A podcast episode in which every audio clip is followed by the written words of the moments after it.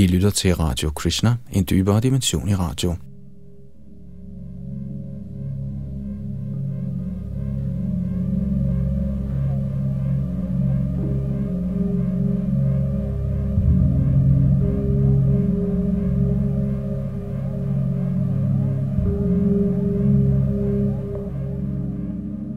Lalitana Das har skrevet en bog, der hedder Darwin i nyt lys, som er en betragtning af Darwin og hans idéer ud fra en vedisk vinkel, som jo er en noget anderledes måde at se på det med livets udvikling her på jorden. Bag mikrofon og teknik sidder Yadunandan Das.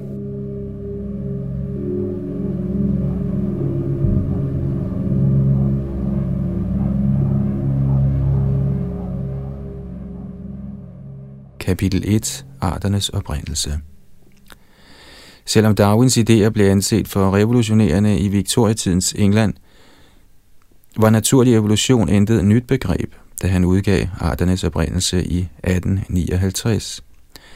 Nogle af 1700- og 1800-tallets filosofer og videnskabsmænd havde allerede leget med tanken om, at arterne ikke var stabile, men kunne ændre sig og med tiden blive til nye arter.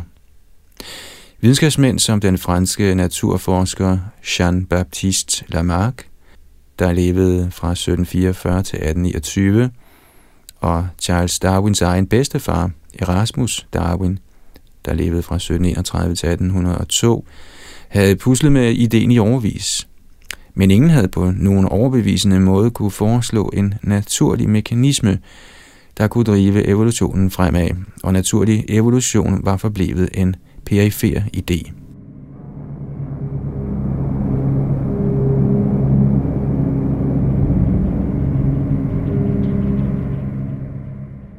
Til synlædende gik Darwin ikke ind for evolution, eller hvad det indebærer, i sine unge år. Tværtimod troede han, ifølge de officielle biografier, fast på Bibelen, og var uddannet i kristen teologi, som han senere beskrev det, jeg citerer, på den tid tvivlede jeg ikke det mindste på den strenge og bogstavelige sandhed i hvert ord i Bibelen.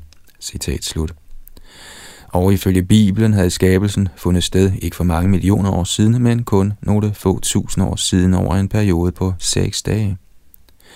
Gud havde skabt hver art, hver slags plante, dyr og menneske for sig. Darwin skulle efter sine have ændret opfattelse på en femårs jordomrejse fra 1831 til 1836 til nogle af verdens mest afsidesliggende områder som naturforsker ombord på HMS Beagle. Hans rejser tog ham til sydspidsen af Sydamerika og Galapagosøernes forblæste kyster i Stillehavet, 970 km vest for Ecuador. Der stødte han på mangt og meget, der ikke passede ind i hans forståelse af bibelsk skabelse. Han så geologiske underværker som vulkaner og bjergeaflejringer, der tydede på en meget ældre jord end de 6.000 år, som Bibelen talte om.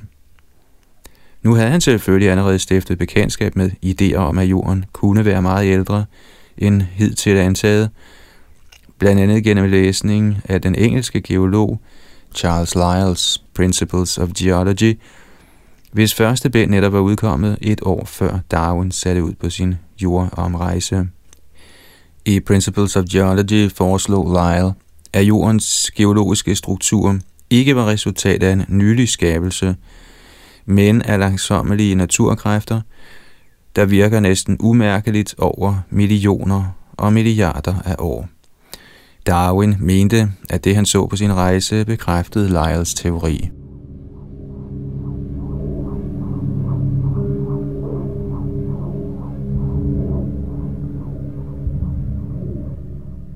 Udover de geologiske spørgsmål var Darwin også forbløffet over den geografiske fordeling af arter. At Galapagosøerne alene var vært for så mange forskellige og alligevel tydeligvis beslægtede arter af planter og dyr, der var spredt ud over nogle små øer, såede ideen om organisk evolution i hans sind. Han skrev i sin dagbog, citat, det er den omstændighed, at flere af øerne har deres egne arter af skildpadde, spottedrossel, finker og talrige planter, hvor disse arter har samme generelle adfærd, optager tilsvarende situationer og åbenlyst udfylder den samme plads i den naturlige økonomi på denne øgruppe, der fylder mig med undren. Citat slut.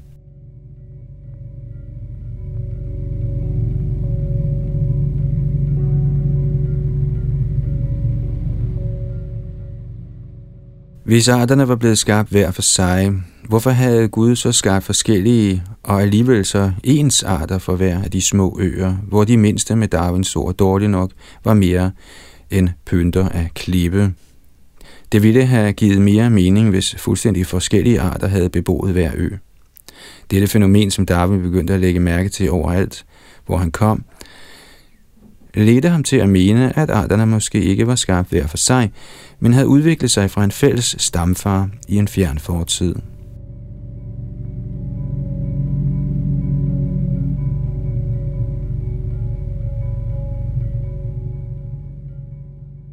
Da Darwin vendte hjem til England i 1836, fortsatte han med at undre sig over problemet og blev gradvist overbevist om organisk evolution.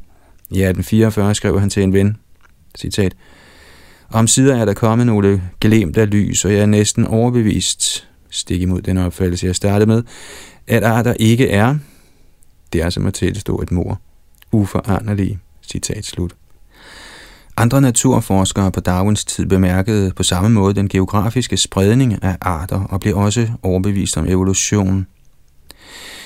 En sådan naturforsker var Alfred Russel Wallace, der levede fra 1823 til 1913, en ung mand, som Darwin skrev sammen med, og som af og til sendte ham eksemplarer af planter og dyr fra sine rejser på Borneo. Wallace deler æren sammen med Darwin for først at have foreslået evolutionsteorien, for selvom Darwin havde nedskrevet sine tanker privat, havde han aldrig indtil da offentliggjort dem, før Wallace præsenterede ham for sin egen version af teorien.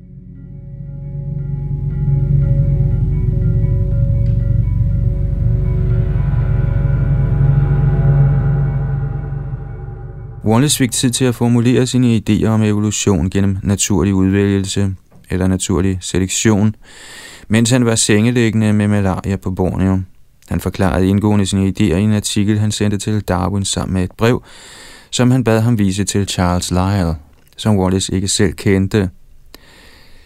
Efter sine blev Darwin bestyrtet, da han læste Wallaces artikel med de selv samme idéer, som han havde arbejdet på i det stille i over 20 år. Nu stod den yngre Wallace for at skulle få æren for den teori, som Darwin anså for at være sin egen.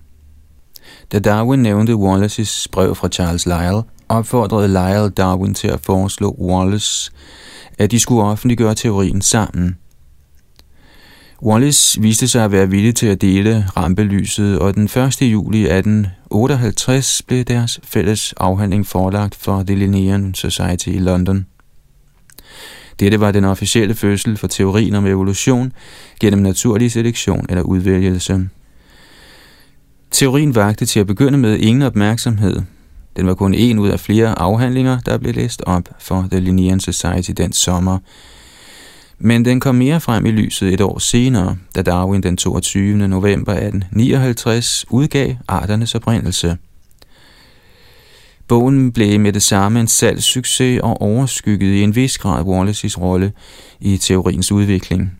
Fra dag af har teorien næsten udelukkende været forbundet med Charles Darwin.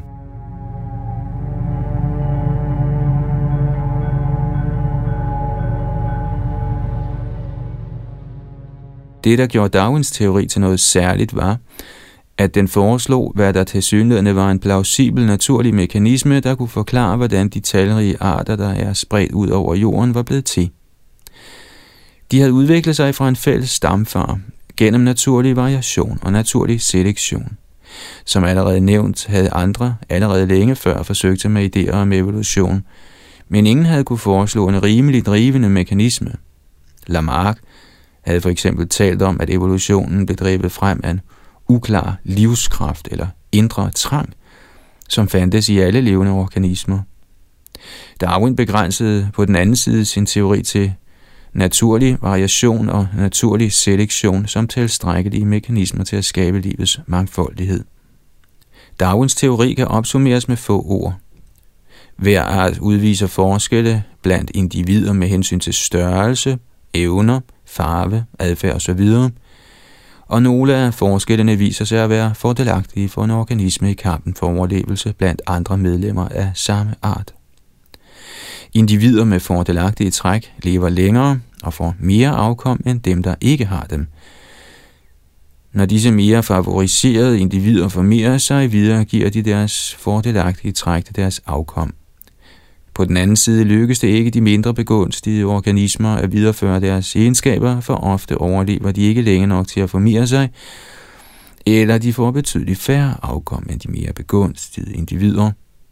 Gradvist ender arterne med kun at bestå af individer, der har fordelagtige karaktertræk, mens de træk, der er til ulempe for arten, uddør.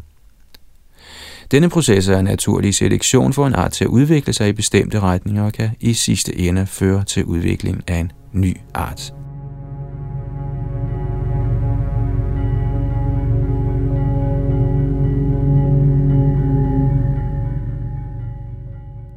For at støtte sin idé om naturlig selektion, henviste Darwin i stor udstrækning til menneskets avl på planter og dyr. Vi behøver kun at gå til landbruget for at se, hvordan avl på bestemte træk næsten fuldstændig kan ændre en art. Forædling af hunde har resulteret i både Grand Danois og små pudler med enhver tænkelig variation indimellem. Darwin selv var en dygtig dueavler og hævdede, at hvis mennesket kan være årsag til så gennemgribende forandringer gennem kunstig for edling i løbet af nogle generationer, må naturen have kunnet udrette det ufattelige over meget længere tidsrum. Han anså det for muligt, at alt kunne være sket gennem naturlig selektion, inklusive at mennesker og alle andre arter gradvist havde udviklet sig fra tidligere eksisterende arter, der igen havde udviklet sig fra andre arter, der for deres vedkommende i deres fortidige historie var kommet fra de simpleste mikrober. Darwins teori er utvivlsomt enkel og elegant, men er den sand? Dette var naturligvis det centrale spørgsmål på Darwins tid, og fortsætter med at være det den dag i dag. I betragtning af den enorme indvirkning, Darwins teori har haft over de sidste 150 år, overrasker det sikkert mange at høre, at i løbet af et par årtier, efter at teorien var blevet fremsat, stod det klart for mange videnskabsmænd, at den ikke var sand. I dag tror ingen på Darwins teori, sådan som han fremsatte den. Snarere tror de på en form for neo-darwinisme, en senere udvikling, der kun har to ting til fælles med Darwins teori, nemlig at evolution fra en fælles stamfar har fundet sted, og at evolutionen er sket ved naturlige processer alene. For rigtigt at forstå forskellen mellem darwinisme og neodarwinisme, er det godt at se på, hvad der var galt med Darwins oprindelige teori. Dette vil også give os et indblik i, hvordan mange, inklusive fagbiologer, uden at vide det, stadig holder fast ved nogle af de idéer, der blev forkastet for over 100 år siden.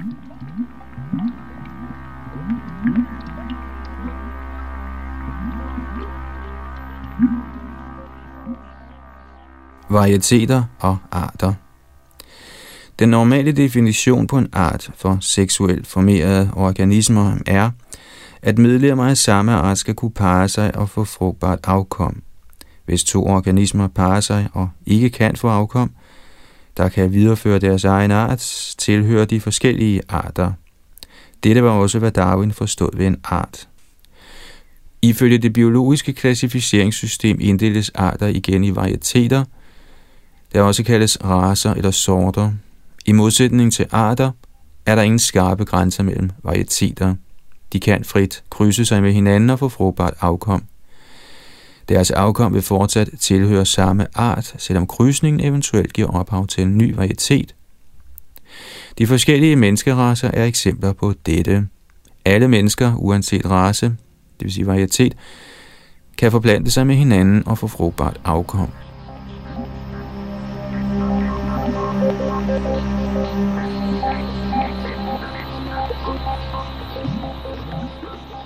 Kernen i Darwins argument var, at varieteter kan gradvist blive til arter gennem avl.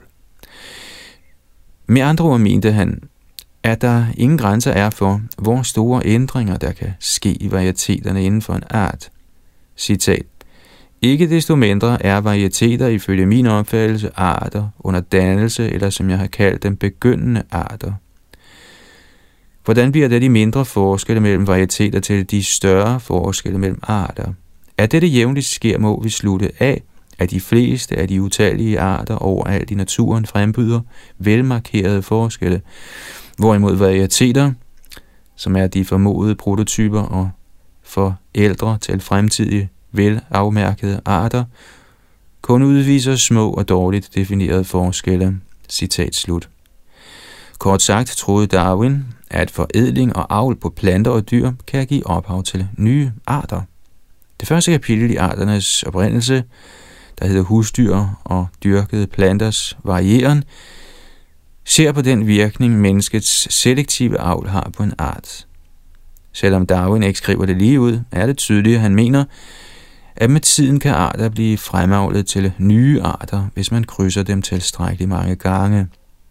I bogens andet kapitel, der hedder Dyrs og planters varieren i vild tilstand, argumenterer Darwin for, at naturen også har evnen til at fremavle varieteter til nye arter gennem naturlig selektion.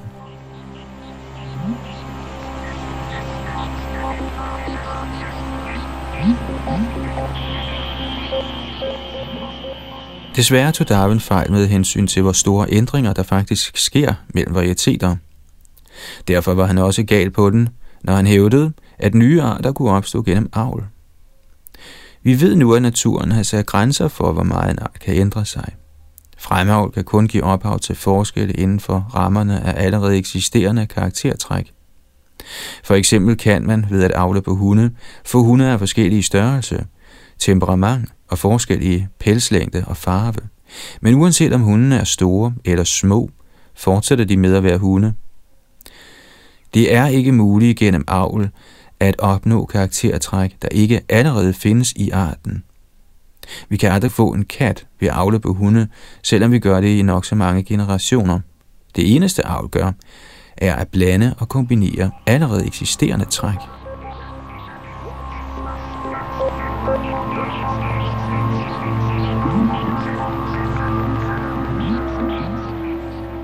Der er ligeledes grænser for, hvor meget man kan fremhæve eller undertrykke de eksisterende naturlige karaktertræk. Ifølge planteforædleren Luther Burbank, der levede fra 1849 til 1926, og jeg citerer, jeg ved af erfaring, at jeg kan udvikle en blomme på en halv tomme eller på to og en halv tomme med alle mulige størrelser indimellem. Men jeg skal vildt indrømme, at det er håbløst at forsøge at få en blomme på størrelse med en lille ært, eller på størrelse med en grebfrugt. Jeg har roser, der blomstrer temmelig stabilt i 6 måneder om året, men jeg har ingen, der blomstrer i 12, og vil aldrig få det. Kort sagt er der grænser for den mulige udvikling. Citat slut. Den store franske zoolog Pierre Grasset, der levede fra 1895 til 1985, var enig i dette. Citat. På trods af det voldsomme tryk, som kunstig selektion har været årsag til i tusinder af år, ved at udskille enhver forældre, der ikke svarer til det valgte kriterium, fødes der ingen nye arter. Et sammenlignende studie af sera, hemoglobiner, blodproteiner, frugtbarhed på tværs af arter osv. viser, at racerne forbliver inden for de samme bestemte afgrænsninger. Dette er ikke et spørgsmål om mening eller subjektiv klassificering, men er en målbar realitet. Faktum er, at selektion giver konkret form til og sammensætter alle de varieteter, et genom er i stand til at frembringe, men udgør ikke en nyskabende evolutionær proces. Citat slut.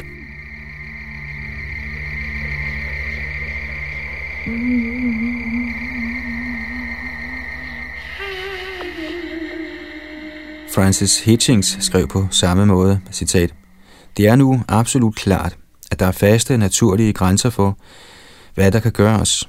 Bemærkelsesværdige ting kan opnås gennem krydsning og selektion inden for artsbarrieren eller inden for en større gruppe af relaterede arter, såsom hvedesorter. Men hvede fortsætter med at være hvede og bliver for eksempel ikke til grebfrugter. Mellem 1800 og 1878 blev sukkerindholdet i sukkerrør forøget fra 6 til 17 procent. Et halvt århundredes yderligere forædling gjorde ingen forskel. Citat slut. Alt dette blev ikke blot påvist i årene efter Darwin. Allerede før og på hans tid var det korrekt blevet observeret, at der er grænser for de ændringer, man kan afstedkomme gennem avl. Darwins idé om, at varieteter kan blive til arter, var ønsketænkning og ikke baseret på faktiske videnskabelige observationer.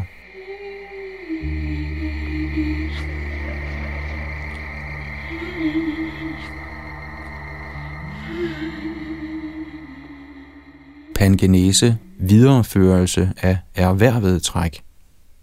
Det andet sted, hvor Darwin tog fejl, var med hensyn til arvelighedsmekanismen, hvilket hurtigt stod klart i takt med arvelighedsforskningen eller genetikkens fremskridt. Selvom Darwin indrømmede sin uvidenhed, citat loven, der styrer arveprocessen er helt ukendte, citat slut, gjorde han stadig sine antagelser om, hvordan arvelighed sker. Desværre blev det hurtigt påvist, at tingene ikke sker, som han gerne ville have haft det.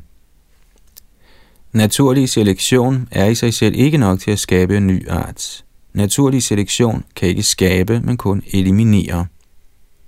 Den hollandske botaniker og arvelighedsforsker Hugo de Vries påpegede, at naturlig selektion kan forklare den stærkestes overlevelse, men ikke den stærkestes fremkomst. Endnu vigtigere end naturlig selektion er fremkomsten af gunstige variationer – som Darwin selv bemærkede det, citat, med mindre fordelagtige variationer opstår, kan naturlig selektion intet gøre. Citat slut.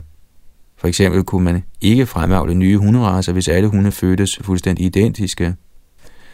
Den naturlige selektion er nødt til at have variation at vælge mellem, hvis der skal ske en evolution.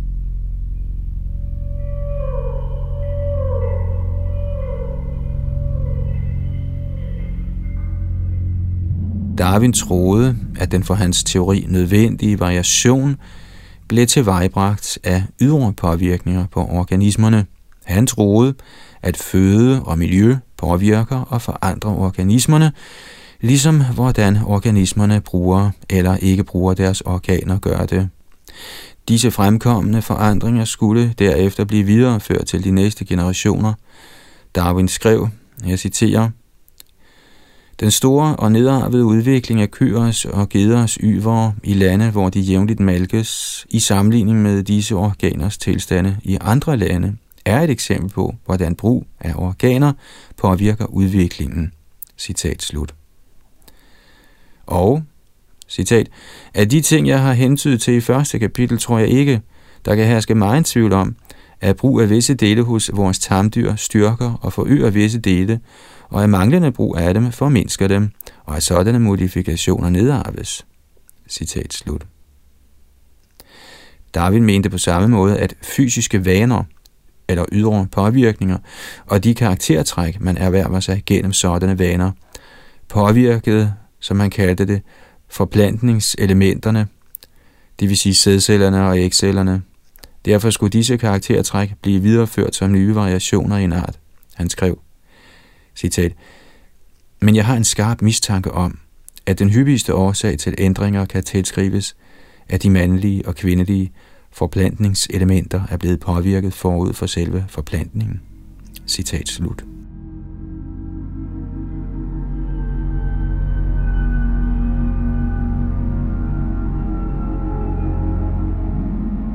Darwin delte denne idé med Lamarck, der havde fastslået, at giraffer, der strækker deres halse for at spise de blade, som andre giraffer ikke kan nå, udvikler en længere hals og derefter får kalve med længere halse.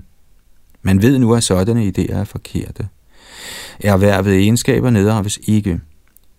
Vi kan gå til vægtløftning, indtil vi får muskler af stål, men vores børn fødes ikke med større muskler af den grund.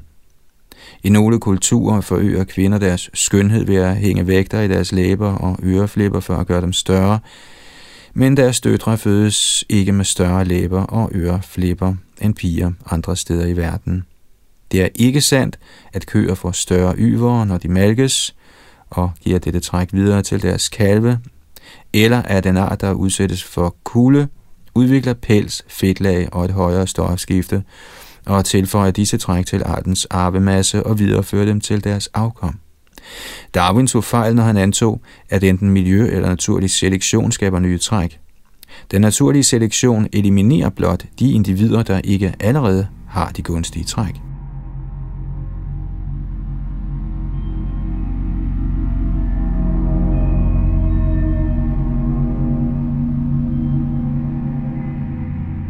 Omkring samme tid som Darwin udgav arternes oprindelse, eksperimenterede den østrigske augustinermunk Gregor Mendel, der levede fra 1822 til 1884, med arvelighedslovene.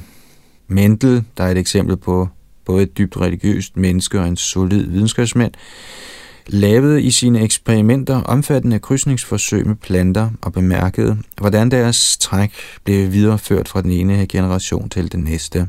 Særligt velkendt er hans forsøg med ærteplanter. Mendels eksperimenter viste alt andet end den evolution, Darwin forestillede sig. Mendel observerede ingen arvelighedsforandringer i arter over generationerne. I 1866 kun syv år efter at Darwin havde udgivet sin bog, offentliggjorde Mendel sin afhandling Versuchen über Pflanzenhybriden, eller forsøg med plantehybrider, hvor i han introducerede, som han kaldte det, lovene om konstante elementer. Ordet konstant forekom 67 gange på afhandlingens 40 sider – konstante træk, konstant afkom, konstante kombinationer, konstante former, konstant lov, en konstant art osv. Mendel sluttede, at arvelighed er forbundet med en videreførelse af konstante faktorer, der afgør en organismes træk. Selvom disse faktorer kan blandes og sammensættes under formeringen, forbliver de adskilte og uforandrede fra generation til generation.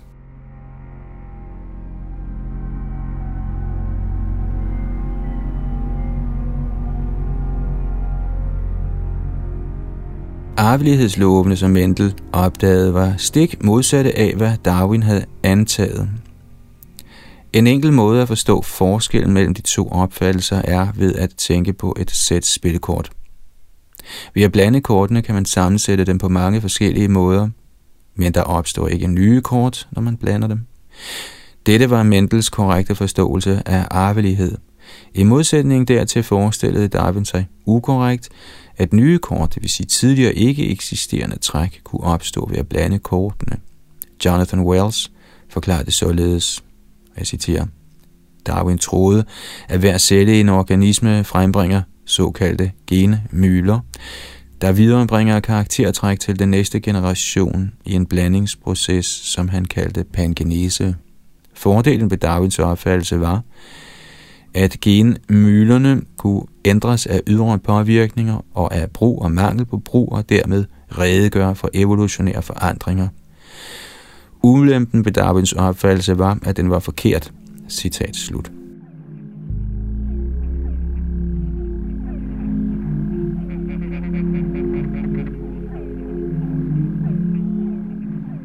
Selvom Mendels afhandling blev udgivet i 1866, blev den ignoreret i årtier, måske på grund af dens anti-evolutionære konklusioner og Mendels egen modstand mod evolutionen.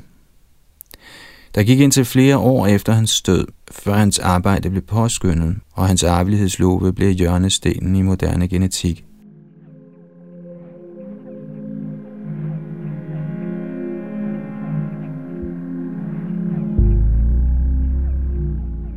Alt dette er selvfølgelig gammelt nyt.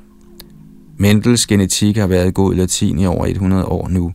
Trods det støder man stadig på evolutionære videnskabsfolk, der appellerer til Darwins idé om nedarvning af erhvervede egenskaber.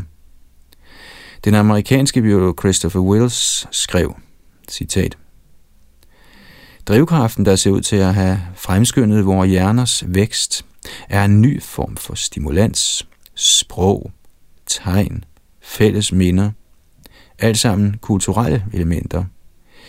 I takt med, at vores kultur udviklede sig i kompleksitet, gjorde vores hjerner det også, hvilket igen førte til nye niveauer af kompleksitet. Større og klogere hjerner førte til endnu mere komplekse kulturer, der igen førte til endnu større og klogere hjerner. Citat slut.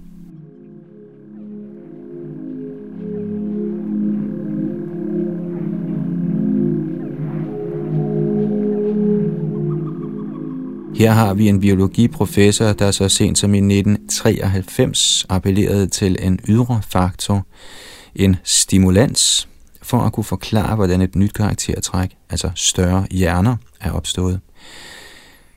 Det er selvfølgelig overraskende at se ideen om pangenese dukke op i moderne evolutionsbiologi. Man ville sandsynligvis tro, at nutidens biologer har bedre forklaringer på, hvordan et komplekst organ som den menneskelige hjerne er opstået, end Darwins for længst forkastede idé om pangenese.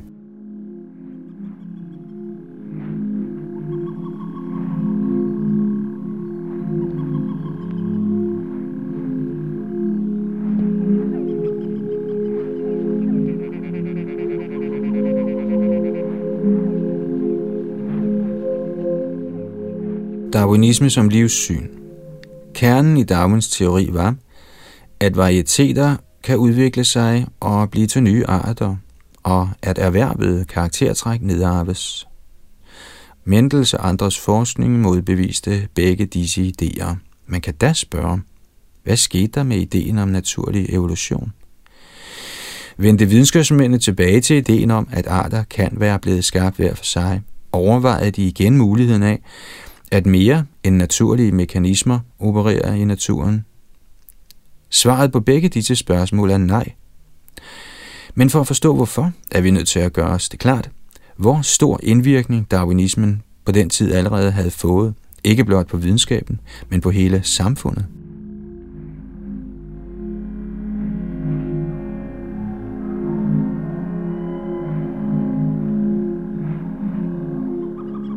Fra det 19. århundredes sidste årtier og frem efter blev darwinismen lige så meget et livssyn og et verdensbillede som en videnskabelig hypotese.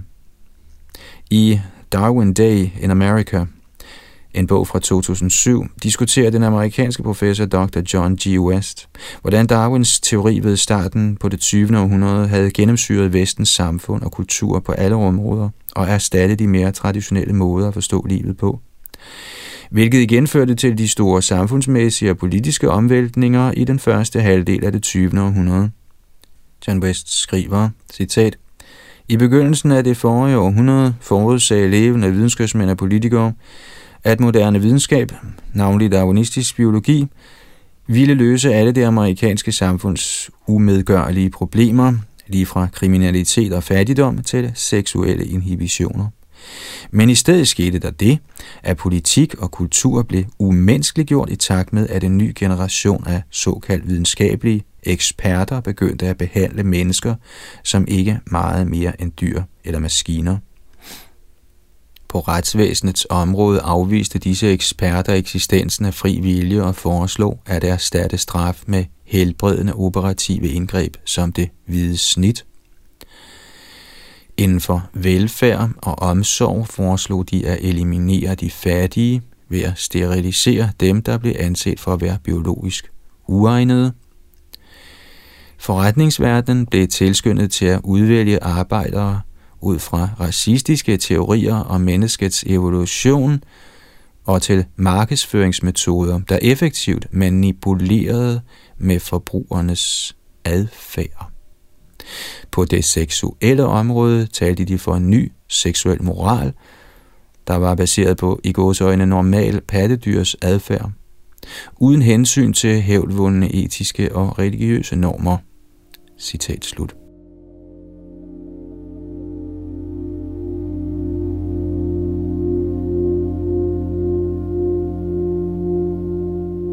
Darwinismen gennemtrængte således hele samfundet med vidtrækkende konsekvenser – jo mere den gjorde det, jo mere var den ikke længere blot en teori, men et fastslået faktum, som ikke kunne betvivles. Det var ikke længere et spørgsmål om, hvorvidt der var foregået en evolution, men kun om, hvordan den var foregået. En kommentar fra Alfred Russel Wallace, der lancerede evolutionsteorien sammen med Darwin, er afslørende. Wallace afveg senere fra Darwin på en række punkter – mere herom i kapitel 12, inklusiv Darwins idé om, at evolution var en ikke styret naturlig proces. Wallace endte med at se evolutionen som en del af Guds større plan, om at anbringe evige sjæle i fysiske kroppe med henblik på deres åndelige udvikling. I et interview fra 1903 blev den 80-årige Wallace spurgt, om han mente, at videnskabsmændene ville blive mere åndeligt indstillede. Hans svar afslører hans mening om, hvad darwinismen havde gjort ved den videnskabelige ånd. Og jeg citerer, Jeg tror det, men det er en meget langsomlig proces. Den videnskabelige holdning har sikkert aldrig været mere materialistisk end nu. Åndeligt indstillede videnskabelige mennesker er meget få, og de fleste af dem er bange for at sige deres mening. Flertallet af videnskabsmænd ser ud til at anse det for at være en form for sindssyge, hvis man vedkender sin tro på andet end hvad der kan kaldes de almindelige naturlove. Citat slut. I bogen Darwin on Trial fra 1991 spørger den amerikanske juraprofessor Philip Johnson, hvordan den centrale darwinistiske idé om modifikation fra en fælles stamfar blev en troslærer og et dogme i stedet for at være videnskab, og med tiden ikke længere blev testet, som man normalt tester videnskabelige hypoteser. Citat. Vi kan kun gætte, hvad det var for motiver, der fik videnskabsmænd til så ukritisk at acceptere ideen om fælles afstamning. Darwinismens triumf bidrog åbenlyst til en forøgelse af de professionelle videnskabsmænds prestige, og ideen om automatisk fremskridt passede så godt ind i tidsånden, at teorien tilmed fik en forbavsende stor støtte fra religiøse ledere. Under alle omstændigheder accepterede videnskabsmændene teorien, før den var blevet strengt efterprøvet. Og derefter brugte de al deres autoritet på at overbevise offentligheden om, at naturalistiske processer er nok til at skabe et menneske fra en bakterie, og en bakterie fra en blanding af kemikalier. Evolutionær videnskab blev til en søgen efter de ting, der bekræfter teorien, og en bortforklaring af dem, der modbeviser den. Citat slut. Johnson illustrerer dette med en interessant hændelse. I 1967 var Wistar-instituttet i Philadelphia i USA vært for konferencen Matematiske udfordringer af den neodarwinistiske fortolkning af evolutionen. Under konferencen mødtes førende matematikere med ledende evolutionære biologer og argumenterede for, at det er statistisk umuligt for komplekse organer som øjet at have udviklet sig fra en serie af tusinder og attertusinder af små, tilfældige mutationer. Antallet af krævede mutationer er ganske enkelt for stort, og der har slet ikke været tid nok i jordens historie til, at det kan være sket på den måde. I stedet for at indrømme problemet, beskyldte biologerne og matematikerne for at drive videnskab baglæns. Evolution var, forfægte biologerne, et etableret faktum. Øjet var blevet udviklet. De matematiske problemer kunne altså ikke repræsentere virkeligheden. En ledende deltager på konferencen, evolutionsbiologen Ernst Meyer, udtalte fortrøstningsfuldt, citat, Vi skal nok klare den på en eller anden måde, når vi får disse tal på plads. Vi finder trøst i det faktum, at evolutionen har fundet sted. Citat slut.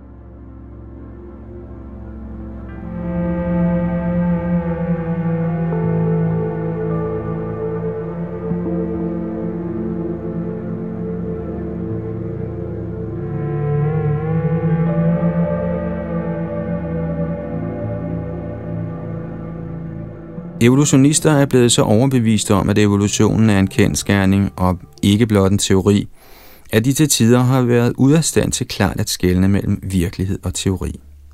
En prominent talsmand for evolution i den sidste del af det 20. århundrede, Harvard-paleontologen Dr. Stephen Jay Gould, der levede fra 1941 til 2002, skrev engang, citat, Fakta er verdens data, Teorier er opbygninger af idéer, der forklarer og fortolker fakta.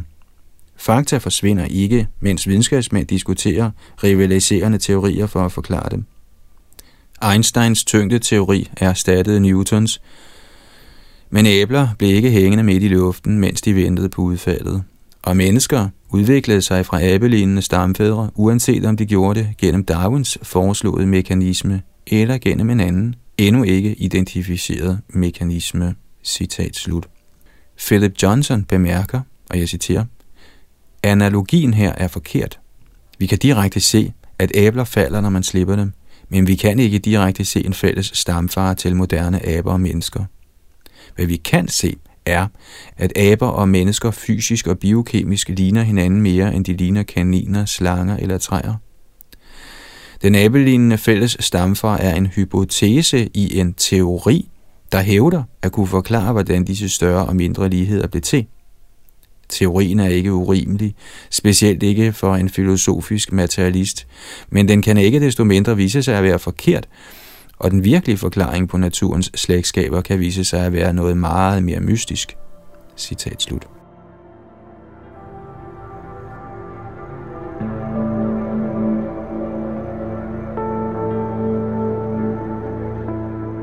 Man kan sågar støde på eksempler på evolutionister, der er så overbeviste om evolutionen, at de fremdrager beviser, der i virkeligheden modbeviser evolution. Tim Burr er et eksempel på en sådan evolutionist. I en bog fra 1990, Evolution and the Myth of Creationism, forsøgte han at hjælpe læserne til at forstå, hvorfor fossilfundene beviser evolution fra en fælles stamfar. Han sammenlignede fossilerne med en serie bilmodeller. Citat, hvis man sammenligner en Corvette, et bilmærke fra Chevrolet, fra 1953 med en fra 1954, og dernæst side om side en model fra 1954 med en fra 1955 osv., er afstamning med modifikation overvældende indlysende. Dette er, hvad paleontologerne gør med fossiler, og beviserne er så solide og omfattende, at de ikke kan afvises af rationelle mennesker. Citat slut. Philip Johnson døbte dette Burrs Bommert for alle ved, at biler designes i forvejen af intelligente designere, og at hver bil fremstilles separat. At de ligner hinanden er ikke resultat af en ikke-styret darwinistisk nedstamningsproces, der afhænger af, at organismer på egen hånd formerer sig selv. Hvad Barra i virkeligheden viste var, at ligheder mellem arter også kan skyldes design. Om noget viste han, at lidelserne blandt fossilfunde lige så godt kan skyldes fælles design som fælles afstamning.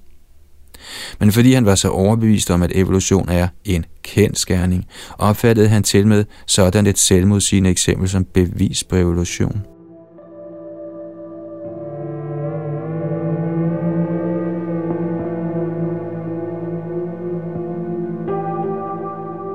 Kort sagt blev evolution et dogme allerede på Darwins tid, og har været et dogme siden da – Selvom meget kan siges imod hans foreslåede evolutionsmekanisme, nægter de fleste evolutionsvidenskabsmænd i dag overhovedet at tage den op til revurdering og har i stedet travlt med at søge efter mekanismer, der kan redegøre for det, som de allerede har accepteret som en kendskærning.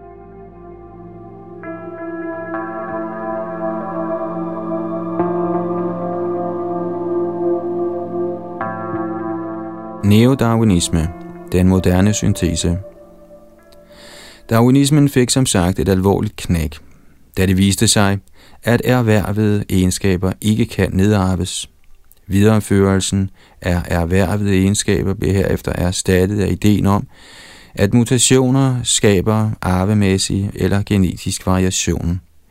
Videnskabsmændene kunne se, at selvom de nedarvede træk forbliver stabile og uforandrede fra den ene generation til den næste, sker der alligevel en sjældent gang genetiske ændringer, Disse ændringer, der først blev kaldt naturens vandskabninger og senere mutationer, blev den foreslåede kilde til det nye genetiske arvemateriale, som skal til for, at der kan ske en evolution.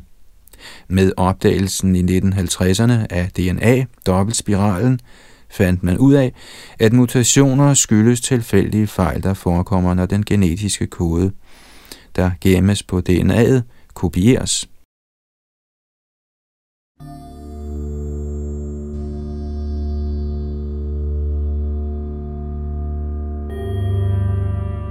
Det, der nu kaldes neodarwinisme eller den moderne syntese, er resultat af forsøg på fra ledende biologer mellem 1936 og 1947 at formulere en teori om biologisk oprindelse, der forenede Mendels genetik med Darwins idé om evolution fra en fælles stamfar.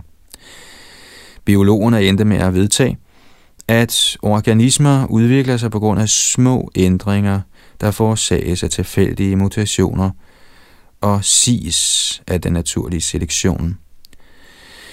Her må det vedkendes, at den mekanisme, som foreslås af neodarwinisterne, er meget svagere end Darwins oprindelige mekanisme. Hans mekanisme med erhvervede egenskaber var næsten deterministisk af natur.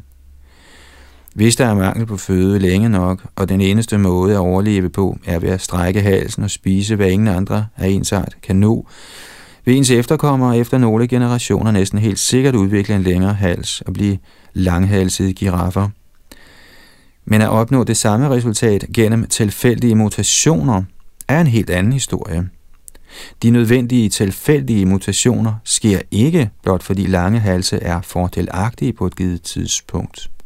Siden mutationerne er tilfældige, kan de forekomme eller ikke, og sandsynligvis vil de ikke forekomme på det tidspunkt, hvor de har den bedste chance for at være til nytte, for chancen for at hver enkelt af de nødvendige mutationer, der skal til for at opnå en bestemt egenskab overhovedet sker, er forsvindende lille.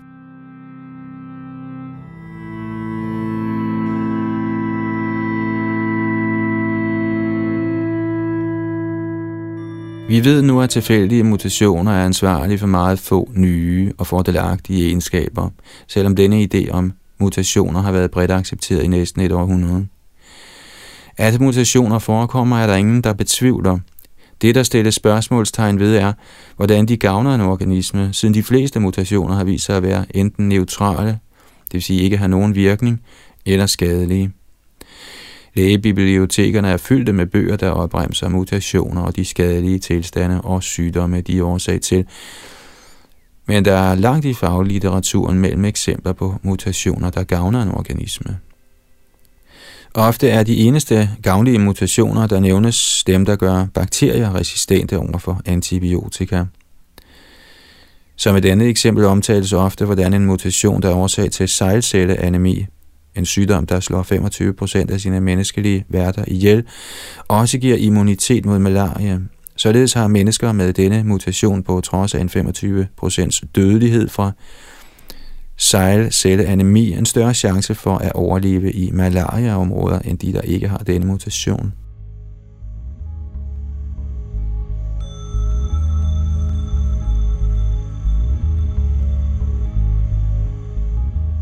I The Edge of Evolution, en bog fra 2007, udforsker Michael Behe, hvor meget mutationer faktisk kan gøre.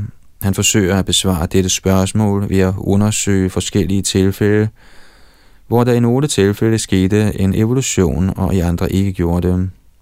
Tag malaria for eksempel. Malaria har slået utrolig mange mennesker ihjel i historisk tid, men selvom malaria-parasitten har været her i 10.000 af år, kan den kun overleve i truberne. Malariaparasitter kan ikke formere sig, når temperaturen falder til under 16 grader Celsius. Her er et nærliggende spørgsmål. Hvorfor har denne parasit ikke udviklet evnen til at tåle lavere temperaturer og dermed kunne sprede sig i de koldere klimaer? Den skulle have haft rig mulighed dertil, for som Behe påpeger det, har der med malariaparasittens korte formeringstid og svimlende evne til at formere sig levet flere malaria-parasitter på jorden i de sidste 10.000 år, end der nogensinde har levet pattedyr på jorden i hele jordens historie.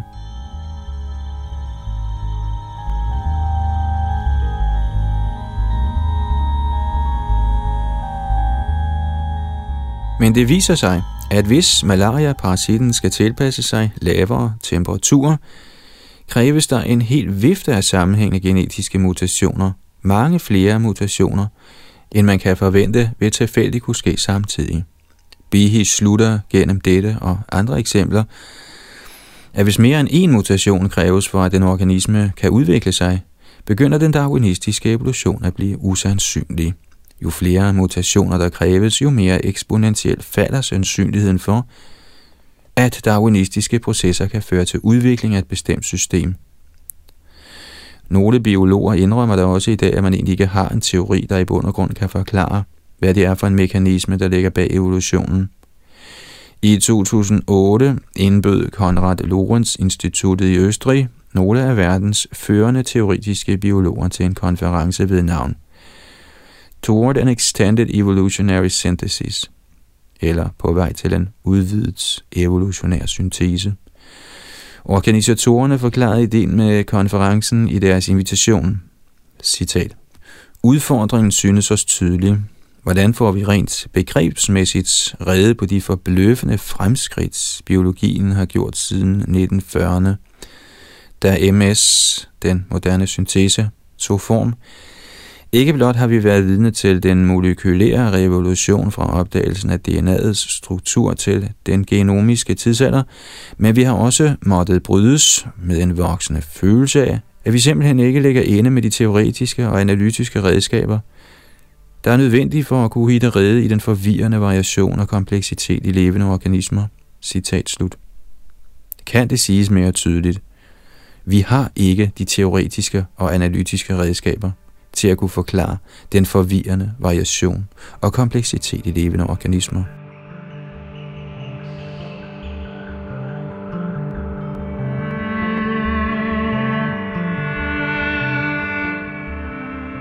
Hvor bliver artsdannelsen af? Som sagen står i dag, har man altså ikke kendskab til nogen mekanisme, der tilfredsstillende kan forklare, hvordan nye arter fremkommer, og ingen har endnu observeret artsdannelse, det vil sige en ny art opstå. Som det var sandt på Darwins tid, kan variation inden for en art let iagtages, men evolution ud over denne variation er stadig hypotetisk. Nogle bestrider denne kendskærning. På internettet kan man finde hele lister over observerede tilfælde af artsdannelse. Men uden undtagelse drejer disse eksempler sig om variationer inden for bestemte arter, og ikke om artsdannelse. Således er Darwins finger et ofte citeret eksempel på artsdannelse. Galapagosøerne ligger næsten 1000 km ud for Ecuadors kyst, og her støder man på et antal finkearter, der kaldes Darwins finger. Da Darwin besøgte disse øer, bed han ikke særlig mærke i disse fugle, men senere opdagede man, at selvom fingrene varierer i størrelse og farve, ser de ud til alle at være kommet fra en enkelt stamme, som sandsynligvis er kommet fra et eller andet sted på det amerikanske kontinent. De er således et glimrende eksempel på en darwinistisk evolution.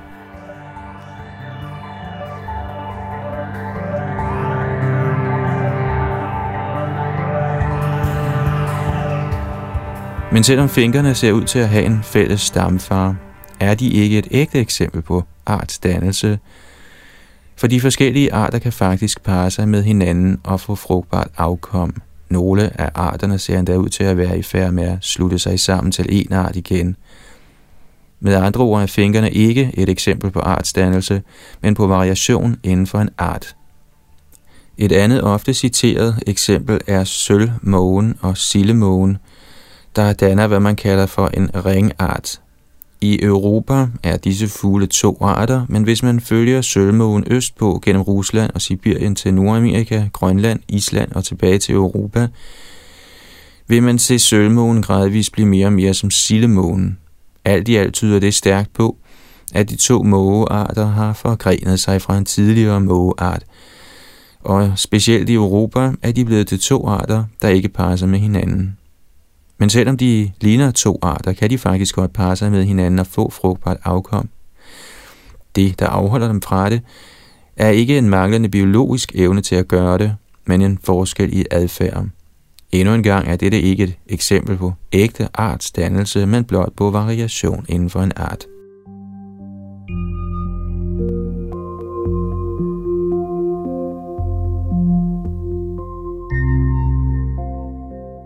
Sammenfattet skrev bakteriologen Alan H. Linton, og jeg citerer, Intet sted i faglitteraturen finder man det dokumenteret, at en art har udviklet sig til en anden art. Bakterier, den enkleste form for selvstændigt liv, er ideelle til den slags forskning med en formeringstid på 20-30 minutter og population efter 18 timer. Men i bakteriologiens 160-årige historie tyder intet på, at en art har ændret sig til en anden. Siden der ingen beviser er for ændringer af arter hos de enkleste former for encellede liv, er det ikke overraskende, at der ingen beviser er for evolution fra prokaryotiske til eukaryotiske celler, for slet ikke at tale om hele spektret af højere stående flercellede organismer. Citat slut.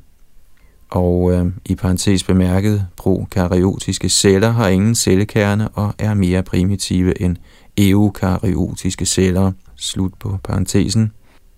Evolutionærbiologerne Lynn Michaelis og Dorian Sagan sagde noget i samme retning i 2002. Citat. Artsdannelse, hvad end det er på afsidesliggende Galapagos, i drosofilosofernes laboratoriebuer eller i paleontologernes sammenstuede aflejringer, er endnu aldrig blevet påvist. Citat slut. Drosofilosofer er et ordspil på Drosophilus, det latinske ord for bananfluen, et yndet forsøgsdyr i genetisk forskning. Så evolutionsteorien, hvad end det er i Darwins oprindelige formulering eller formuleret som neodarwinisme, mangler stadig at blive dokumenteret. Arternes oprindelse er lige så lidt forstået i dag, som da Darwin udgav arternes oprindelse for 150 år siden. Hvis vi aldrig har set nye arter blive dannet, hvad kan evolutionisterne der lægge på bordet til støtte for deres teori? I næste kapitel diskuterer biologen Jonathan Wells nogle af de mest citerede beviser for evolutionsteorien.